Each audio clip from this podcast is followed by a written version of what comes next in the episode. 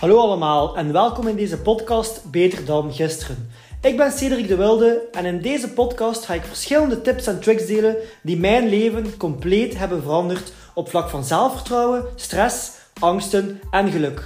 Mocht deze podcast een meerwaarde betekenen voor jou, twijfel dan zeker niet om deze te delen op je social media, zodat we de wereld elke dag een stukje gelukkiger en beter kunnen maken. Vandaag gaan we het hebben over het verschil tussen dopamine en serotonine. Nu, misschien hebben jullie hier al van gehoord of kennen jullie het al, maar het is een belangrijk concept om te begrijpen en vooral te kunnen reflecteren op jezelf. Omdat u kan helpen bewuster om te gaan met gewoontes en betere keuzes te maken in uw leven. Het kan u helpen om sneller nee te zeggen tegen dingen die schadelijk voor u zijn en bepaalde positieve gewoontes te ontwikkelen. Voor mij persoonlijk heeft die kennis een grote impact gehad en helpt het mij nog steeds in mijn dagelijks leven. Dat komt ook omdat ik lange tijd verslaafd was aan instant gratification, waarbij dat ik snel resultaat of snel een goed gevoel zocht in dingen zoals gamen, suiker, alcohol en vooral eindeloos scrollen op social media. Nu, dat leidde tot gevoelens van lustloosheid, voortdurend gedemotiveerd zijn en een verlangen naar directe bevrediging.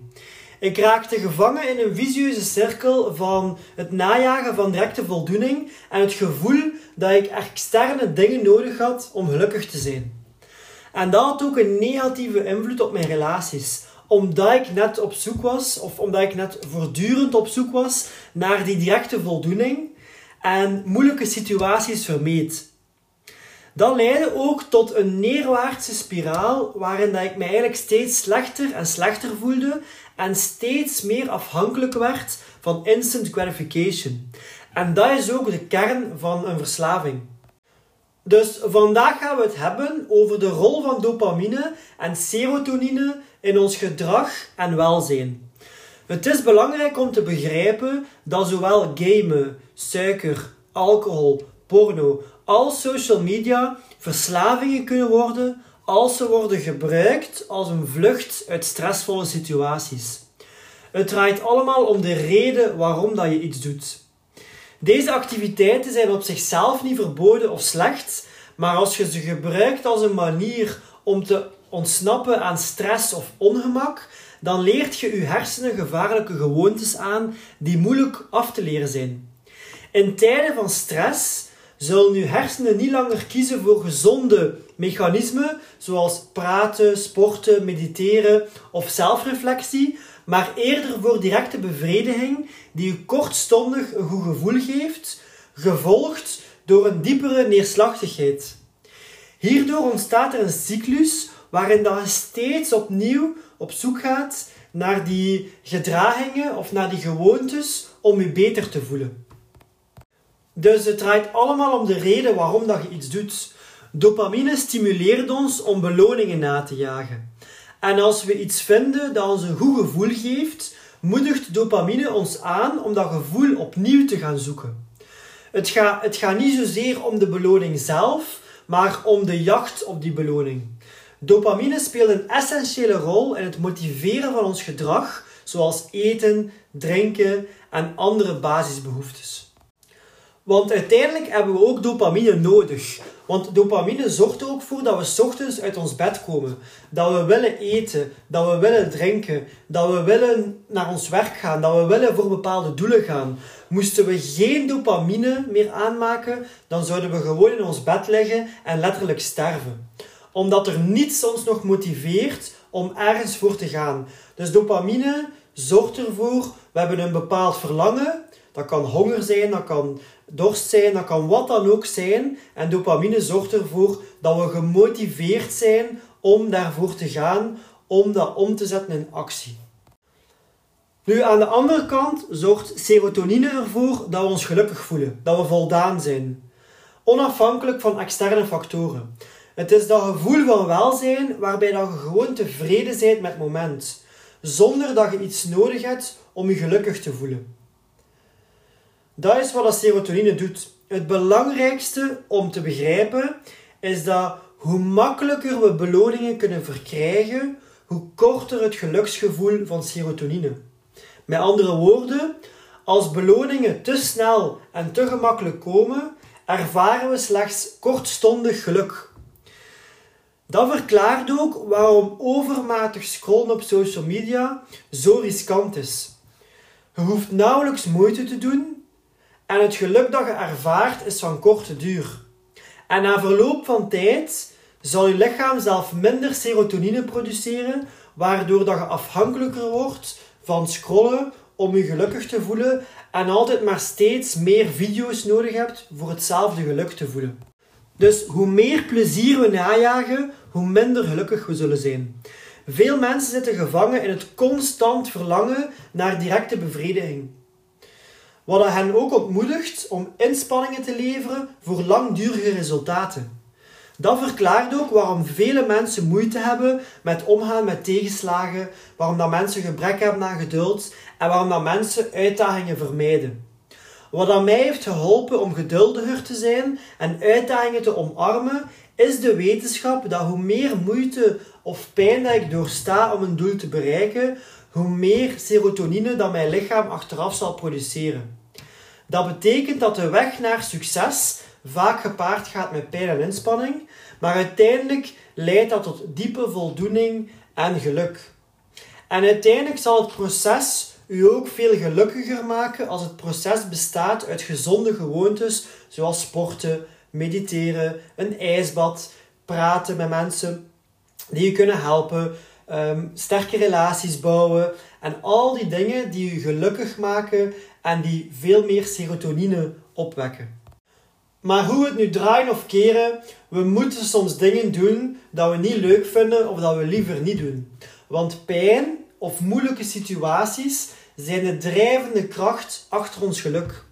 Het is belangrijk om te beseffen dat geluk niet verslavend is, maar het najagen van plezier wel. We kunnen niet verslaafd geraken aan gelukkig zijn, we kunnen wel verslaafd geraken aan het najagen van kortstondige pleziertjes. En het is ook echt cruciaal om te accepteren dat we niet voortdurend gelukkig kunnen zijn. Hoe meer dat we dat accepteren, hoe beter dat we zullen kunnen omgaan met de moeilijke periodes. Want veel mensen, als ze in een moeilijke periode zitten, dan begrijpen ze het niet, ze breken zichzelf af en ze willen direct terug gelukkig zijn. En doordat je direct terug gelukkig wilt zijn, maak je de verkeerde keuzes. Ga je die snelle pleziertjes gaan najagen en ga er eigenlijk voor zorgen dat op lange termijn alleen maar erger wordt. Het leven bestaat nu eenmaal uit afwisselende periodes van uitdaging en gemak. Denk aan het weer. Als de zon elke dag schijnt, wordt het na verloop van tijd normaal en niet meer speciaal. Maar laat het een week lang regenen en daarna weer, weer zonnig worden en we ervaren weer die vreugde. We zijn weer blij dat de zon schijnt. We hebben moeilijke tijden nodig om echt geluk te waarderen. Dus in plaats van weg te rennen van uitdagingen door snelle pleziertjes te zoeken, moeten we de pijn omarmen, confronteren en zien als een bron van groei en intiem geluk. En als we ons mindset rond pijn veranderen, dan gaan we veel minder bang zijn van pijn. En dat gaat er net voor zorgen dat we veel gelukkiger worden. En als we minder bang zijn van pijn, dan gaan we ook veel meer uitdagingen aangaan. We gaan veel meer uit onze comfortzone komen. We gaan veel meer sporten. We gaan veel meer aan onszelf werken. We gaan veel meer keuzes maken die op lange termijn goed zijn voor ons.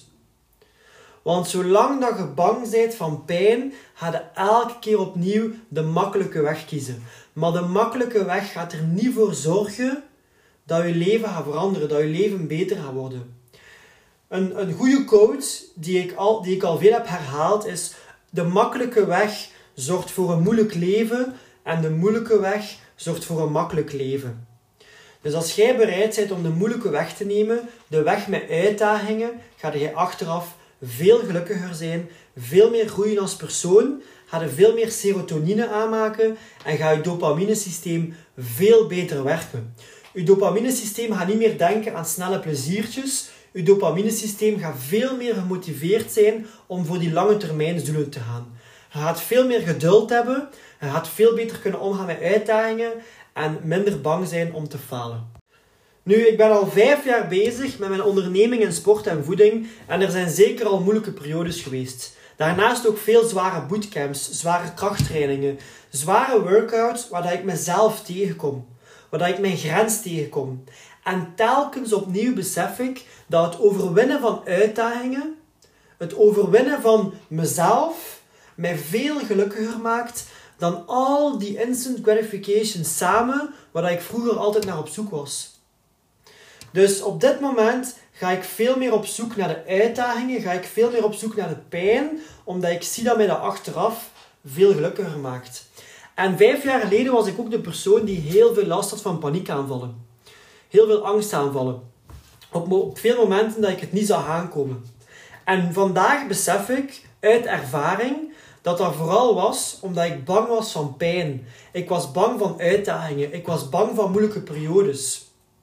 En sinds dat ik dat heb leren omarmen, sinds dat ik pijn zie als iets goed, pijn zie als iets dat mij sterker maakt, dat mij beter maakt, ga ik de pijn veel meer gaan opzoeken, ga ik de uitdagingen veel meer gaan opzoeken en vooral dat heeft mij veel beter gemaakt. Vooral dat heeft ervoor gezorgd dat ik vandaag bijna volledig angstaanvalvrij ben. Het komt nog heel zelden voor, want natuurlijk heb ik ook soms een minder moment, maar ze zijn al veel minder. Dus omarm de pijn. Wees niet bang van de pijn. En zie de pijn als iets goed, iets dat je beter maakt. En dat gaat je leven zoveel veranderen. Maar dat gaat vooral u als persoon zoveel veranderen en zoveel beter maken.